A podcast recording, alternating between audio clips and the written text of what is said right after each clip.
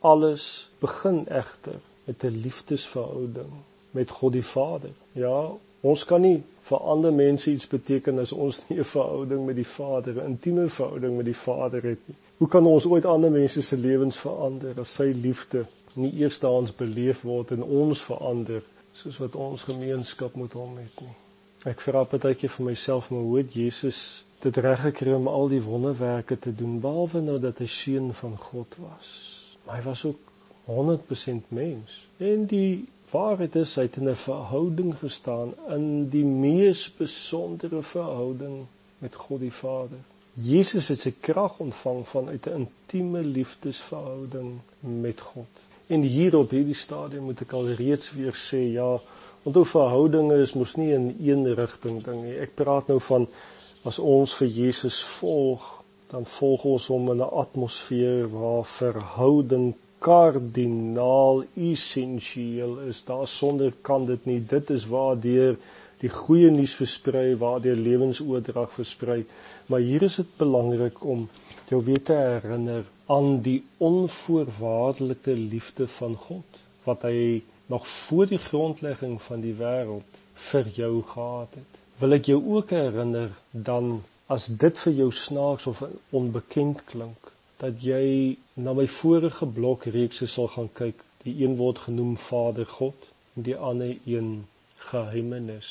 Hier word dit baie baie duidelik verduidelik dat daar ook voor die grondlegging van die aarde hierdie unieke besondere liefdesverhouding tussen Vader en Seun was. Dit was so perfek, dit was so volmaak, dit was so heerlik dat God die Vader net gedink het maar dit kan nie net hier beleef word nie. Ek moet meer skepsels maak wat dit kan beleef en dis hoekom ek en jy geskep is deur hom. En ons lees vanuit hierdie volmaakte liefdesverhouding wat Vader en Seun met mekaar gehad het was daar eintlik 'n oorvloei die produk daarvan was gewees dat ons geskep is ja en wat 'n heerlikheid is daar nie wat 'n vervulling volmaaktheid. Wat 'n ervaring is dit nie as daar volmaakte liefde is nie. En dis vir ons moontlik om dit te beleef hier op aarde hoor jy? Jy kan dit beleef. Die feit dat ek en jy dit nie beleef nie is omdat die satan verhoudinge haat. Hy haat liefde en hy doen alles in sy vermoë om liefde uit te roei, te breek, ware verhouding 'n wrang smaak in mense se monde te gee daaromtrent. Hy wil vir mense wys verhouding bestaan nie, liefde bestaan nie, dit misluk. En hy kry dit net reg as hy toegang het tot mense se lewens. Maar Jesus het in hierdie vervulling geleef, in hierdie heerlikheid, selfs toe hy op aarde was om hierdie verhouding met Vader te hê. Sy disippels het daarvan geweet. Hulle het geweet hy tap daai. Dit is sy bron van lewe, hierdie verhouding. Hy het ook een kant gegaan en vanuit die verhouding met die Vader het dit uitgevloei na sy disippels toe. En daarom as ons hom volg, dan weet ons net verhouding is die dinamiet voertuig waardeur God werk en vloei in die lewe.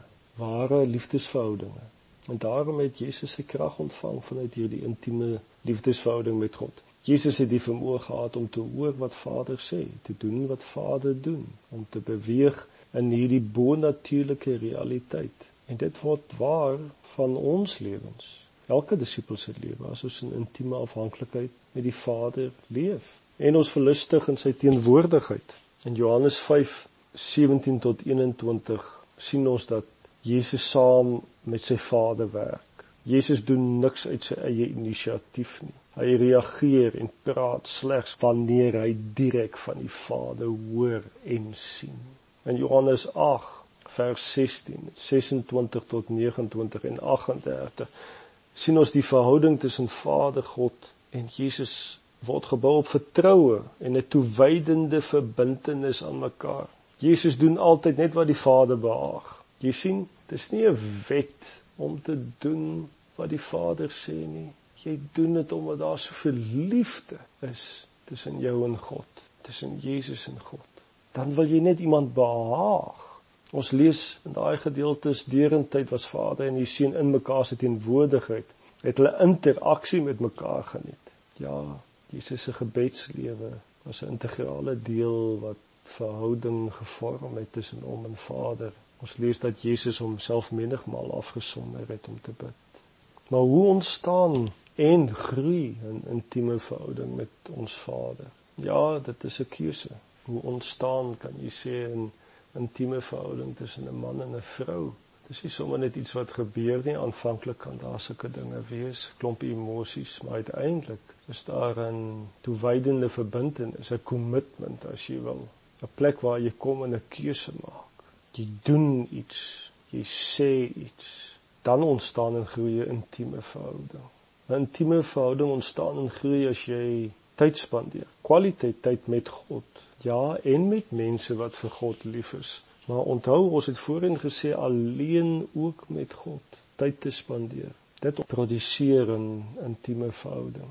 En dan natuurlik ontstaan 'n groeie intieme verhouding tussen ons en God ook deur die Heilige Gees se werk want hy skep en bemagtig die begeerte in sy kinders om hom meer intiem lief te hê.